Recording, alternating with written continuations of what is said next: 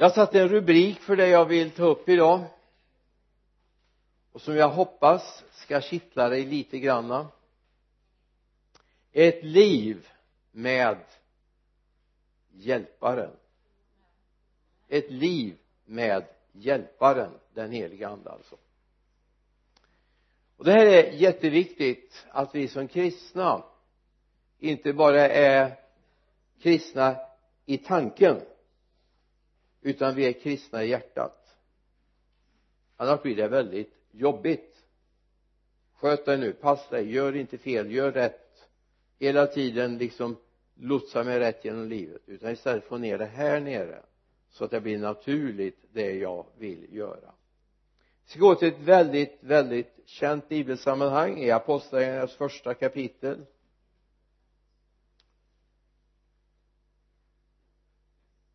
Och det här är efter Jesu död och efter hans uppståndelse. Han var ju 40 dagar tillsammans med de sina. Han visade sig för människor han umgicks med sina lärjungar.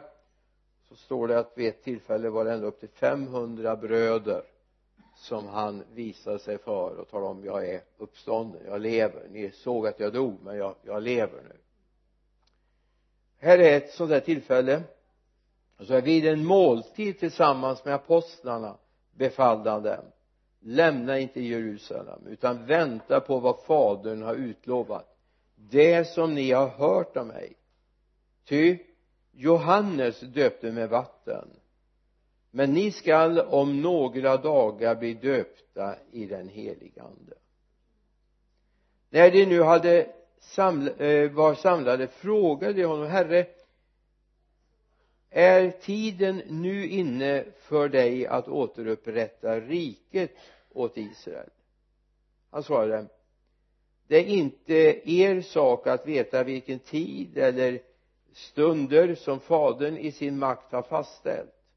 Men när den helige ande kommer över er ska ni få kraft att bli mina vittnen i Jerusalem och i hela Judeen och Samarien och ända till jordens yttersta gräns då han hade sagt detta såg de hur han lyftes upp och ett moln tog honom ur deras åsyn. Och sen skulle vi kunna fortsätta att läsa om vad de här männen som finns där säger när de uppenbarar sig.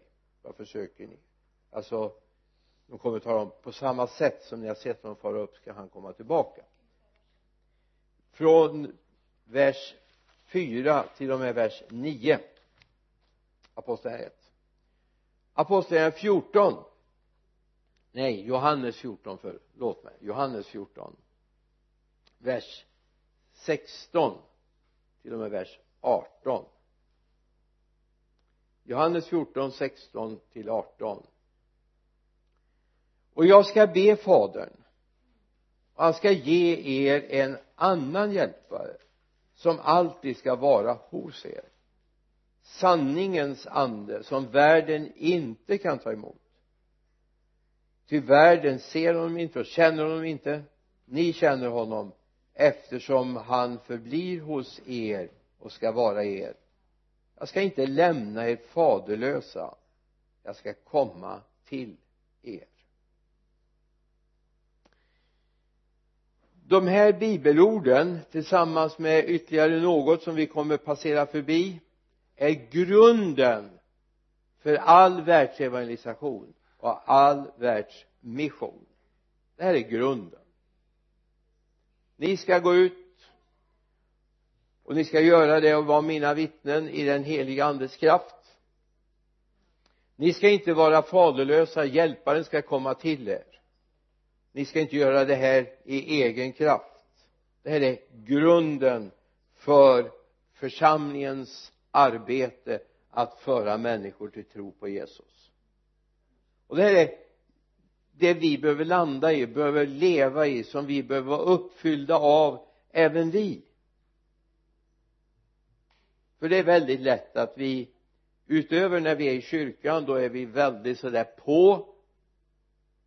Nej, ja, eh, en del är på väldigt starkt när man är i kyrkan. Och så kommer vardagen. Och då är vi så uppfyllda av vardagens vardagligheter så vi tappar bort nöden för människor. Jag menar sanningen är ju den att grannen om inte han känner Jesus är på väg att gå evigt förlorad det är ju sanningen. Arbetskamraten som du jobbar åtta timmar om dagen tillsammans med.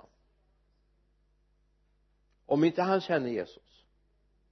Om inte han har överlåtit sitt liv till Jesus. Så kommer han gå evigt förlorad. Om han inte omvänder sig. Skolkompisen. Som eh, du umgås med ett antal timmar varje vardag. Om han eller hon inte känner Jesus inte överlåter sitt liv åt honom och blivit ett Guds barn kommer gå evigt förlorad och det är klart det kan vara en lärdom det kan vara någonting vi vi har med oss i, i huvudet men faller det inte ner här så händer det inte mycket mer jag menar då kan jag gå och processa det här i, till dess jag är nedbäddad och ligger några famnar under jorden. Och det har inte hänt någonting. Men om det får falla ner här och jag blir fylld av hjälparen den helige ande jag blir fylld av den kraft som gör att jag blir vittne så kommer det förändra situationen. Totalt. Jag kommer få en ny nöd. Jag kommer få en ny kärlek jag kommer få en ny glöd. En större hängivenhet. Min morgonbön kommer inte bara bli gode Gud låt mig få en bra dag idag. Och på kvällen tack gode Gud att du har varit med mig hela dagen. Låt mig sova gott nu. Amen. Det räcker inte. Det räcker inte det behövs något mer. Du är inte en isolerad ö i den här världen. Du är inte det. Utan du lever faktiskt i ett människohav med människor som är på väg genom livet. Från födelsen till döden. En del går den smala vägen. Amen. Det tackar vi Gud för men det stora flertalet går den breda vägen. Och slutet på den vägen är fördärvet säger Guds ord. Därför behöver vi bli mer präglade av det här bibelorden, eller hur? Att han ska be att fadern ska ge oss hjälparen den helige ande. Eller som vi läser i åttonde versen i första kapitlet i apostlagärningarna.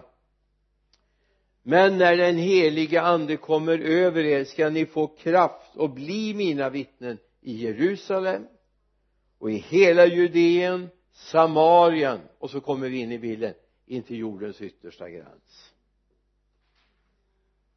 Jag vill inte påstå att Vänersborg är precis den yttersta gränsen eh, nästintill bara. Det finns platser som ligger sämre till på vår jordklot. Men i Guds ögon så är vi långt bort därför vi är icke judar så är vi långt bort ifrån Jerusalem. Vi behöver det här och du borde istället ha en bön på morgonen gode Gud. Tack för att jag får vara ditt barn. Låt mig få vara till hjälp för någon jag möter idag.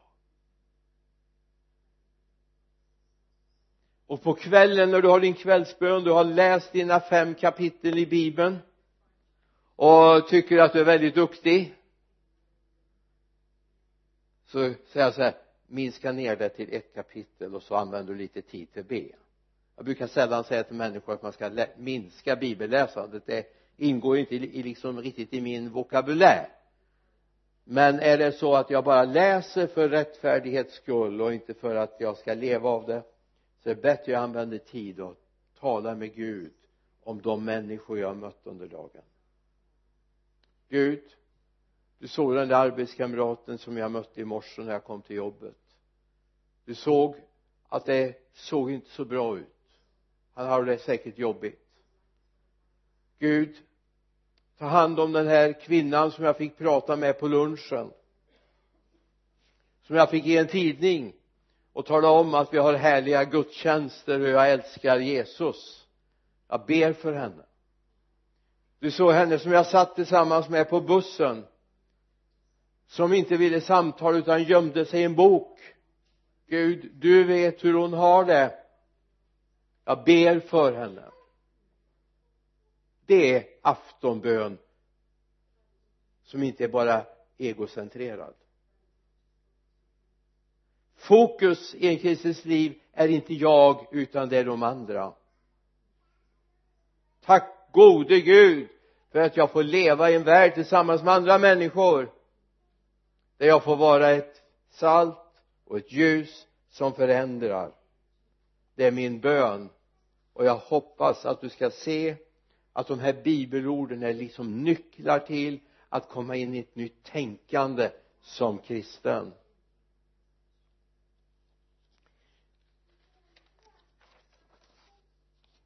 I andra korinterbrevet femte kapitlet vers 19 och några verser framöver.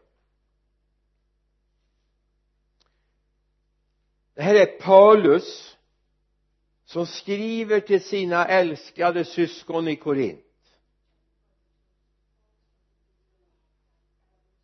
Han har verkligen nöd för den här församlingen. Det är, det är en mycket komplex församling där borta i Korint i en världsstad. Det är andra Korinthierbrevet sa jag det femte kapitlet vers 19 till och med vers 21 ska vi läsa. Ty Gud var i Kristus och försonade världen med sig själv. Han tillräknar inte människorna deras överträdelser. Och han har anförtrott åt oss försoningens ord yes. Känner du det? Du har fått försoningens ord. Vi fortsätter vers 20 vi är alltså sändebud för Kristus. Det är Gud som förmanar genom oss. Vi ber och Kristi vägnar låt försona er med Gud. Den som inte visste av synd, alltså Jesus honom har Gud i vårt ställe gjort till synd för att vi i honom skulle stå rättfärdiga inför Gud. Den som inte visste av synd alltså som var totalt ren har Gud i vårt ställe lagt synden på. För att vi skulle stå rättfärdiga inför Gud. Alltså vårt uppdrag är att tala om för människor du är faktiskt redan försonad med Gud. Du behöver inte hålla på med avlatshandel. Du behöver inte göra goda gärningar för att väga upp allt ont du har gjort du behöver inte vallfärda 15 gånger till en viss plats bara för att du råkade ha sagt någonting fel eller gjort något fel. Utan du behöver bara acceptera Jesus. Tack för att du betalade för mig. Och det här måste vi få predika för människor. Måste vi berätta för våra medvandrare i den här världen du är försonad med Gud. Det är uppdraget. Men då behöver vi faktiskt få kraft ifrån honom. Vi går till andra Korinthierbrevet igen fast vi tar kapitlet tidigare fjärde kapitlet vers 4 till 6 ska vi se. Ty den här tidsålderns Gud Gud med litet g. Har förblindat det otroende sinne så att de inte ser ljuset som strålar ut från evangeliet om Kristi härlighet. Alltså de har blivit förblindade. Och det är viktigt att, att se att människor är förblindade och behöver upplysas. De ser inte ljuset som står ut från evangeliet om Kristi härlighet. Han som är Guds avbild. Vers 5 vi predikar inte oss själva utan Jesus Kristus som Herre och som och oss som era tjänare för Jesus skull. Ty Gud sade ljus ska lysa fram ur mörkret han har låtit ljuset lysa upp våra hjärtan för att kunskapen om Guds härlighet som står fram i Kristi ansikte skall sprida sitt sken. Ljuset som lyser fram var då? I dig ska i den här världen sprida sitt sken. Yes. Så låt ditt ljus lysa i den tid där vi finns nu. En enkel mycket banal bild. Om du har en lampa i taket och det är mörkt i rummet så är ju bara verkligheten den att tänder du lampan så lyser den. Släcker du lampan så blir det mörkt. Så enkelt är det.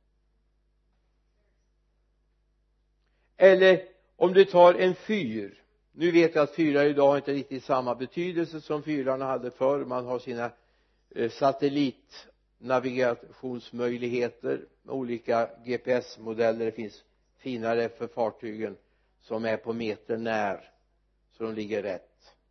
Men eh, om vi tänker som fyrar fungerar förr så fanns det en röd sektor. Där det lyser rött. Då var man på väg uppåt grund och där skulle man inte vara lyste det klart vitt sken i linje. Två eller tre fyrar i rad då låg man mitt i farleden. En släckt fyr hjälper inte människor. Får jag säga en släkt kristen icke lysande kristen leder ingen människa. Och det här är viktigt att vi har med oss för det står i Matteus 5 och 16 den här versen kan du stryka under och så kan du meditera under en vecka på det här bibelordet. Matteus 5 och 16 du får gärna läsa från vers 13, 14, 15 men vers 16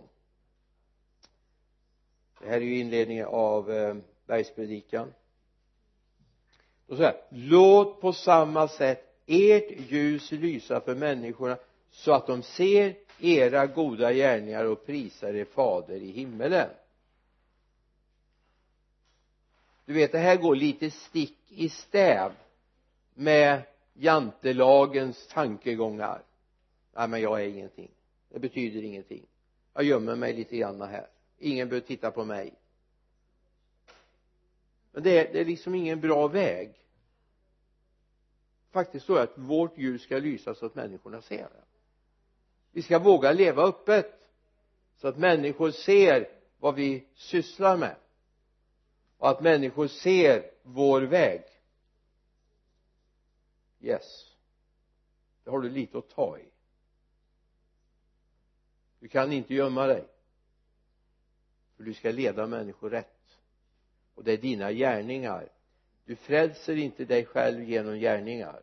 Det är viktigt att komma ihåg. Men dina gärningar är en resultat av ditt liv.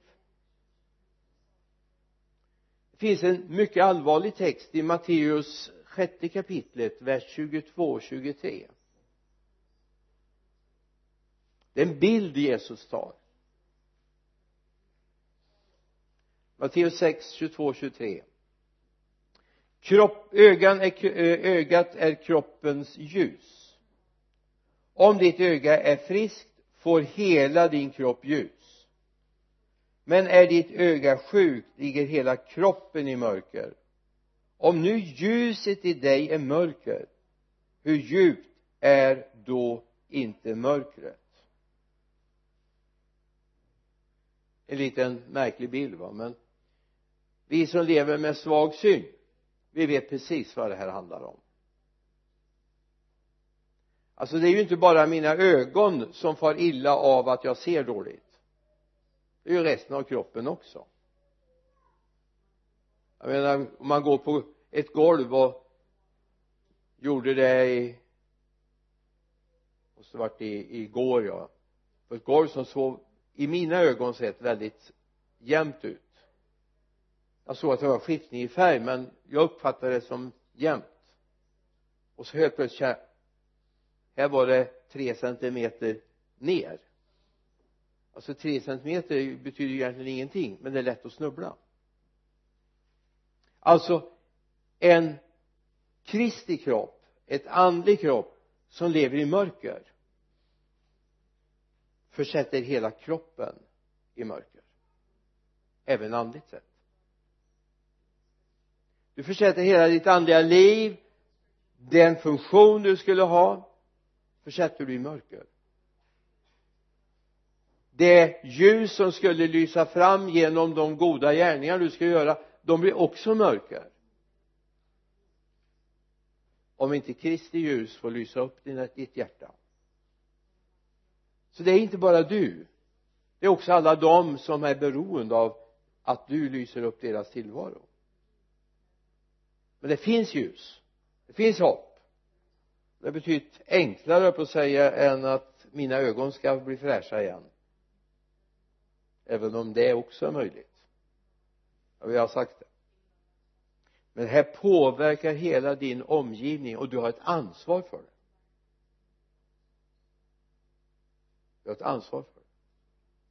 Och det här är viktigt. Låt därför ljuset lysa upp ditt hjärta. Den här tids vi läste förut i andra Korinthierbrevet 4 och 4 till den här tidsålderns Gud har förblindat de otroende sinnen så att de inte ser ljuset som strålar fram ur Kristi evangelium. Den här tidsåldern det skulle vi kunna tala mycket om. Det finns så mycket. Alltså är det någon gång vi behövt ha disciplin på våra liv så är det nu. Alltså när jag var grabb någon gång på stenåldern då eh, fanns det inte så mycket som kunde ta uppmärksamheten. Det, det fanns tillräckligt mycket ändå men idag är det ju hundra gånger mer grejer som kan ta uppmärksamheten både från ungdomar och vuxna va? Jag menar alla sociala medier och IT-explosionen vi har upplevt och jag menar på den tiden du vet då kunde man skriva ett brev och så fick man vänta minst en vecka innan man fick ett svar. Du får det inom några sekunder. Fantastiskt. Men visst jag blir upptagen jag kollar 15 gånger varje dag jag har fått mail behöver de ha svar? Förut var jag gå ut en och i min barndom så fick vi posten två gånger hemma. På morgonen och på, på middagen fick vi post hemma. Det var bara två gånger nu kollar man 15 gånger. Det finns mycket som hör den här tidsåldern till och är det då så att andan i den här tidsåldern får prägla oss? Då kommer den ta bort fokus på den Gud som vill upplysa vårt hjärta. Utseende, fixering, etc, etc tar så lätt uppmärksamheten ifrån oss. Och det är märkligt det är bibeln som vi alltid har så lite tid för. Be, bönestunden när du verkligen ber på morgonen för dem du ska möta. Visst är det lite märkligt? Men det finns hopp om du börjar prioritera. Hjälparen den heliga ande har kommit för att vi inte ska vara faderlösa står det det är väl fantastiskt att vi inte behöver vara faderlösa.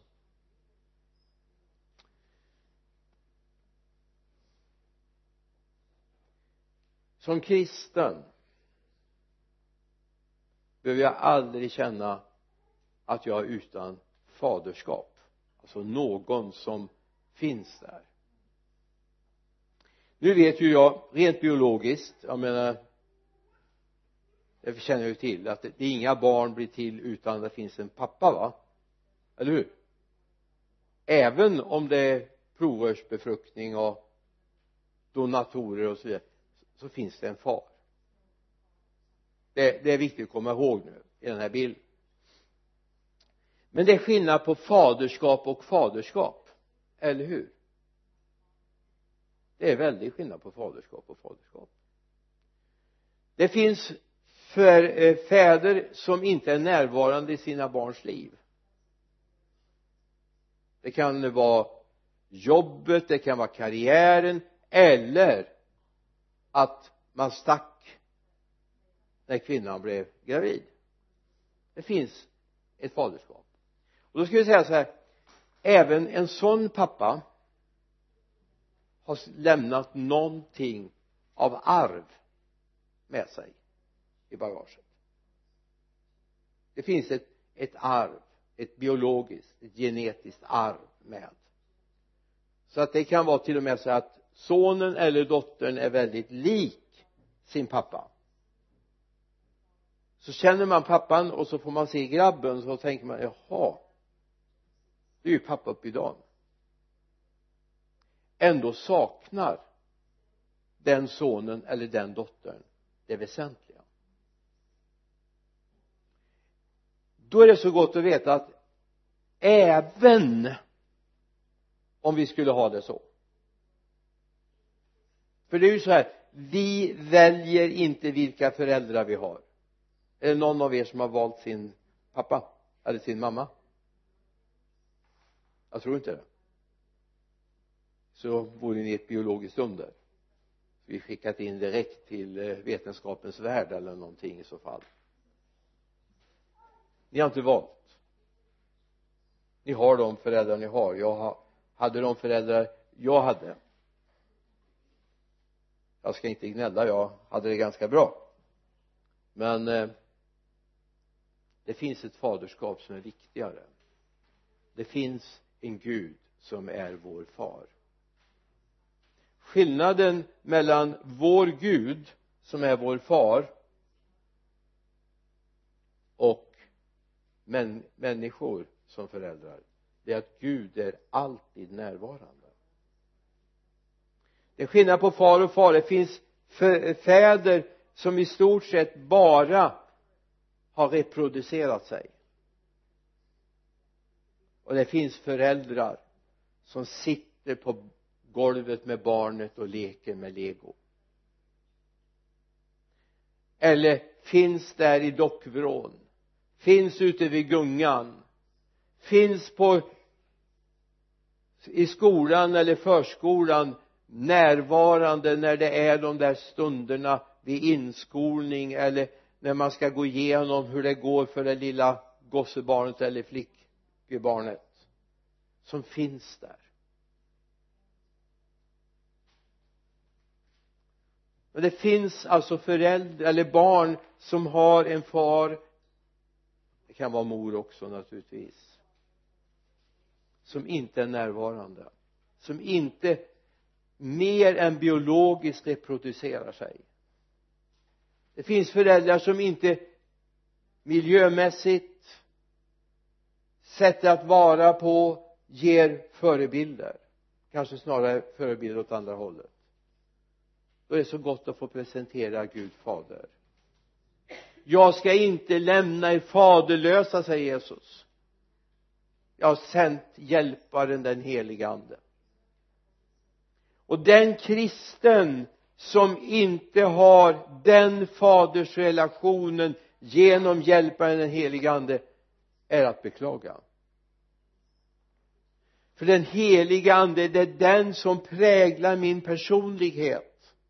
Han finns där han förmanar mig. Han uppmuntrar mig. Han vägleder mig. Därför är det så viktigt. Och det är inte så här att den fadern säger så här ja nu är du myndig. Nu får du att försöka fixa det här själv. Jag har vandrat tillsammans med Jesus i många år nu och fortfarande känner jag jag har en fadersrelation. Varje dag. Jag blir aldrig i Guds värld så vuxen att han sparkar ut mig och säger nu får du klara dig själv. Om jag så skulle uppnå hundra år och fortfarande vara i livet så vet jag Gud är min far. Det får jag gråta ut. Det får jag glädja mig, det får jag skratta det får jag jubla. Därför behöver du den helige ande. Hjälparen den helige ande är den som han har sänt för att vi inte ska vara faderlösa. Och den helige ande uppenbarar för mig vem Jesus är. Och han uppenbarar för mig vem fadern är. Det var först när jag upplevde den helige ande i mitt liv som jag fick en rätt relation till Gud som min far. Jag är uppvuxen under så kallad sträng regim. Jag vet vad stryk innebär. Om jag nu har tagit skada av det eller ej det får andra bedöma. Det var säkert inte utan att det hade anledning. Smisk på fingrarna har jag fått på ryggen på den del man sitter på. Jag har blivit utskälld inför människor. Men jag har också en, en gudsbild som jag har fått genom den helige ande. Fått lära känna en kärleksfull far.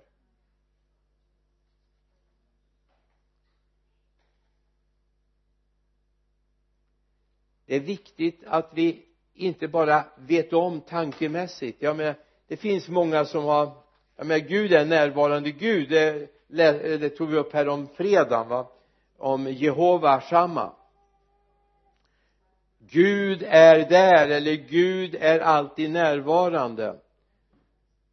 Och det är Hesekiel 48.35 jag tänkte inte läsa det men det presenteras Gud som här är Herren. Här är Herren. Alltid närvarande. Men vi går, kan gå till Johannes eller apostlagärningarna 17 Johan, nej apostlagärningarna 17 vad Johannes har med det här att göra vet jag inte. Det står om honom i början av apostlagärningarna. 17.26 det är när eh, Paulus uttrycker i sitt tal på Areopagen i Aten på denna beslutsplats i Aten så presenterar han sin Gud vers 26 och 27 apostlagärningarna 17, 26, 27 och han har av en enda människa skapat alla människor och folk för att de ska bo över hela jorden. Han har fastställt bestämda tider och utsträckt eh, utstakat de gränser inom vilka de ska bo. För att de ska söka Gud och om möjligt ska de kunna treva sig fram till honom och finna honom fast han inte är långt borta från någon enda av oss. Han är inte långt borta från någon enda av oss. Alltså Gud finns där.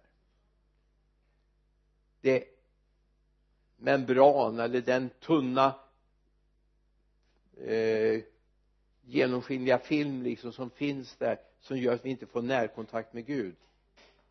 Den bryts genom den helige ande. Det finns många som kan hålla enorma föreläsningar om Gud och bibeln men de känner honom inte. Det kan hända att du inte du kan hålla enorma utläggningar om vem Gud fader är men du känner honom. Det är viktigare det viktigaste är inte att du vet allt om honom utan det viktigaste är att du känner honom och kan umgås med honom. Gud är den närvarande, han finns här. Men hjälparen den helige ande som fadern sänt i mitt namn han ska lära er allt och påminna er om allt vad jag har sagt er är det någon som känner väldigt tröst i de orden så är det jag. Jag behöver inte ha pejl själv. Den helige ande i mig har pejl. Den helige ande kan till och med börja tala med mig om bibelord som jag inte minns att jag har läst. Satt här om kvällen och, och funderade över en sanning i Guds ord. Och jag kände bara säga ja men det står så här här men jag vill ha stöd för det. Alltså det, det bör finnas på något mer ställe. Och jag hade ingen aning. Jag bara kände någonstans att det finns något mer om den här sanningen. Då kommer en formulering till mig. Sen har jag sån här modern hjälpmedel så jag har sökfunktion och sånt på bibeln va. Så jag slog in den där meningen. Och så kommer bibelställena upp som handlar om det här och så ser jag liksom att det här belyses från flera håll va. Alltså det är så viktigt att vi får en närhet till honom och förstår han är där. Han är där. Det står i apostlagärningarna 1 och 8 då att när den heliga ande kommer över er. Har du läst det det är lite, en liten märklig översättning. Sen vet jag inte riktigt hur man skulle översätta det egentligen. För det, det är ett svåröversatt. Alltså om man läser att någonting är det väller det över oss så vi blir va oj! Det här var väldigt. Eller också är det någonting som är över oss trycker ner oss.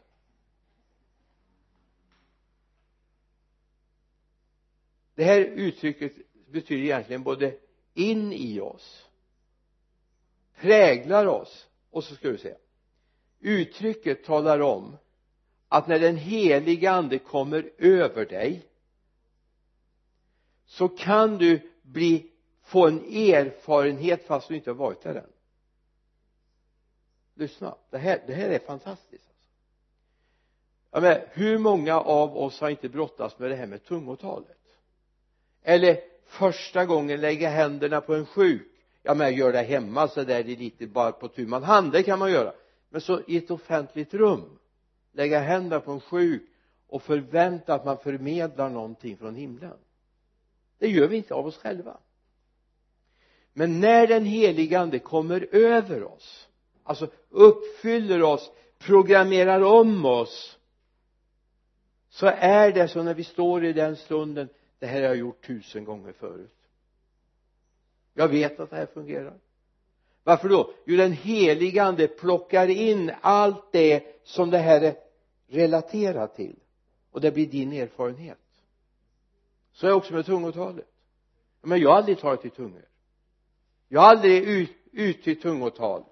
Ja men nej men det, det får andra göra de där som är, är, är liksom varit med länge i gamet varför då? När den helige ande kommer över dig så får du den erfarenheten därför att det är inte du personligen utan det är den helige ande i dig. Lyssna. Det är den helige ande i dig som står för verket. Och den helige ande har varit med förut. Eller hur? Ja, men den helige ande har varit med om att ge tungotal i århundrade årtusenden före dig.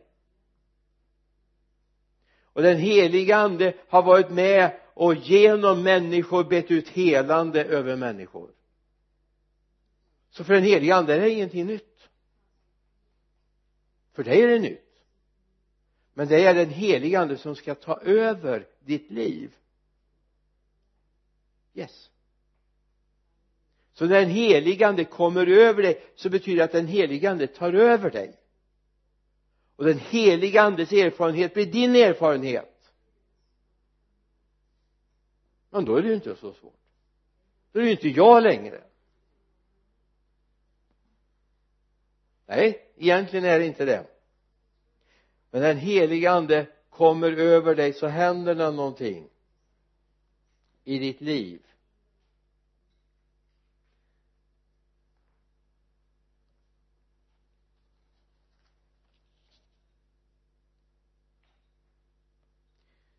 Lyssna. En bild. Egentligen skulle jag lånat något av de mindre barnen här nu för att förtydliga det här men eh, jag vet inte om de törs. Alltså försök att tänka dig in i den här bilden. Din far ska, och du är, du får gå tillbaka, du är liten va? Ska bära dig över ett jättestup men far är ganska obekymrad. Han har gått här många gånger över den här spången fast det är ett par hundra meter ner och det, det känns ju väldigt läskigt va? Och då är det en väldig skillnad. Om far tar dig i din i sin famn lyfter upp dig tryggt och ni kan gå tillsammans. Då är det ju inte på dig det vilar, eller hur?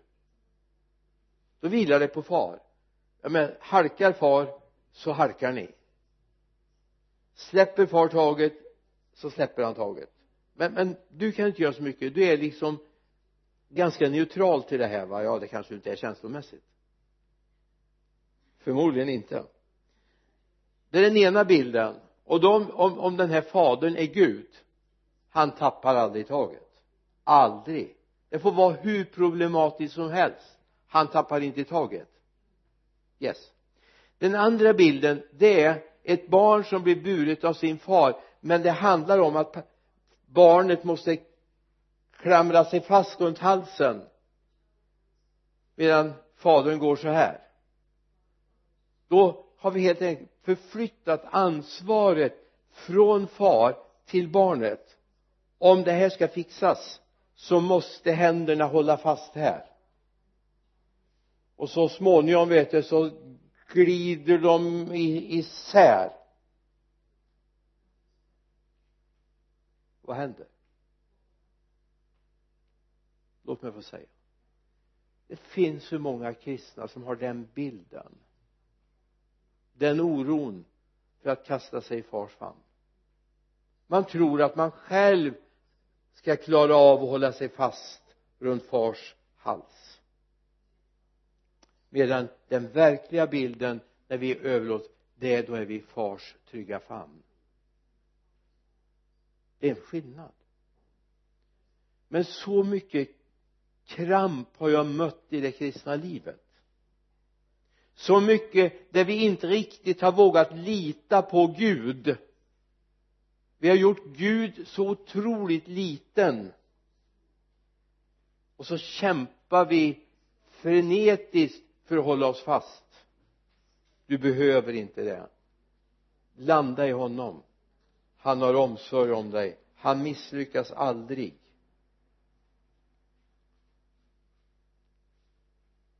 Ditt kristna liv är beroende av hjälparen.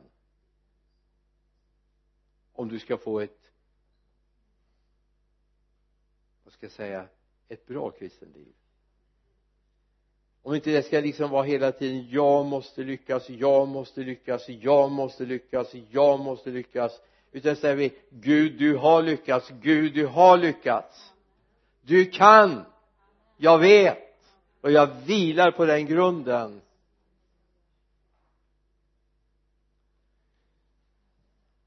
När den helige ande kommer över oss ska vi få kraft att bli hans vittnen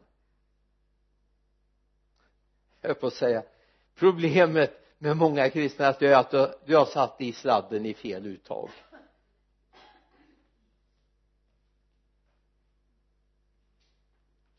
Du har satt i sladden i alldeles fel uttag. Nu är jag så gammal så att när jag växte upp idag har vi ju 240 volt som normalstandard i våra vägguttag hemma va? Eh, när jag växte upp så hade vi 130 eller 137 volt som standard. Då är vi alltså på första delen av 50-talet och så börjar man att försöka utvidga det här och så byggdes det om och jag var till och med involverad i när vi byggde över så att vi fick 380 volts nät hemma. Och om du har nu kan du tänka dig du har en, en lampa som, eller en maskin eller vad som funkar jättebra på växelström 240 volt. Men så stoppar du i den i ett uttag med 130 volt istället. Fortfarande är det 50 periodisering vad händer? Ja motorn funkar inte. Lampan lyser men väldigt fladdrigt. Alltså Gud har bra spänning i sina uttag. Men det är så här att när vi står i en problemsituation det här har vi inte varit med om förut det här är problematiskt då kan vi en del börja tänka sig Gud var finns kraften hos dig? Jag vill söka din kraft. Eller också gör vi så här jag måste kolla erfarenhetskontakten. Ja, jag måste liksom se så här har man nog gjort förr. Och så blir det fladdrigt. Det är ungefär som man tänker sig att man har full lyse på lamporna och så dimmar man ner det till bara 25 procent kvar det är ju en bra funktion eh, för att få mysbelysning men Gud har inte tänkt att du ska köra på mysbelysning genom livet. Gud vill ha full kraft. Alltså det här är så viktigt att vi får tag i det är inte i de gamla erfarenheternas vägguttag jag ska sätta i kontakten. Utan jag ska söka Herren för mitt liv. Då kommer du få full fart på ditt liv du kommer få en överbevisning i ande och kraft. I ditt vittnesbörd. Kraften ska vara till för ditt vittnesbörd. Och ditt vittnesbörd ska vara till både för dina ord men framförallt för ditt liv. Det ger trovärdighet. I första Korinthierbrevets andra kapitel vers 1 till 5 det säger Paulus här när jag kom till er bröder var det inte med stor vältalighet eller hög visdom som jag predikade Guds hemligheter för er. Jag hade nämligen bestämt mig för att när jag var hos er inte veta av något annat än Jesus Kristus och honom som korsfäst. Svag, rädd och mycket orolig kom jag till er. Och mitt tal och min predikan bestod inte i ord som skulle övertyga genom mänsklig visdom utan genom en bevisning i ande och kraft. Vi ville inte att er tro skulle bygga på människors visdom utan på Guds kraft. Låt mig säga att det är bra med, med bra argument. Det är jättebra. Hållbara argument om skapelsen och om jungfrufödseln och om korset. Alltså, det är jättebra. Det är bra att vi vet hur det ser ut, hur det fungerar etc etc va? Men sanningen är den att utan att den heliga ande får komma och lysa upp mitt liv så blir det en katastrof. Det, det är inte vetenskapliga bevis som behövs om jorden kom till på ett sätt utan det är en tro på Gud som behövs det är det det handlar om. Men sanningen är varken du eller de du talar med var med när det hände. Inte ens det här ekot som man påstod man fick ner här för ett tag sedan. Snart kommer man upptäcka oj det var visst någonting i maskinen här som gav det här ekot. Och hur vet man att just den där signalen på den frekvensen innehöll? Det här är ju bara nonsens medan första Moseboks första kapitels första vers säger så enkelt i begynnelsen skapade Gud himmel och jord. Det tror jag på. Det tror jag på. Det behövs inga vetenskapliga argument för det. Jag behöver bara tron på Gud. Jag har lärt känna honom. Och jag har en hjälpare som har talat om för mig att jag har en far. Och så har jag fått möta far själv. Alltså upphovet till skapelsen. Yes han hade väldigt bra medarbetare också. Sin son Jesus Kristus. Så även han är ett bra han, alltså de är ju ögonvittnen. De kan ju verkligen berätta hur det gick till. En mycket tveksam signal som man hittade i yttre rymden år 2014 det kanske var några andra planeter som kolliderade vid något tillfälle som man har hittat en, en, ett eko ifrån alltså låt inte förnuftet ta bort vår syn på honom. Alltså det är tron på ett förnuft som vi inte vet om det är sant. Däremot har vi ett förnuft som är upplyst av Guds ande. Du behöver i den här tiden hjälparen den helige ande. Du behöver den du behöver den varje dag. Gud välsigne oss. Amen. Helige ande nu ber jag dig.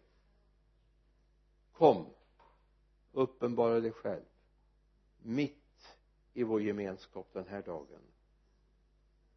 Herre du är inte långt borta från någon enda som söker ditt ansikte och nu söker vi ditt ansikte.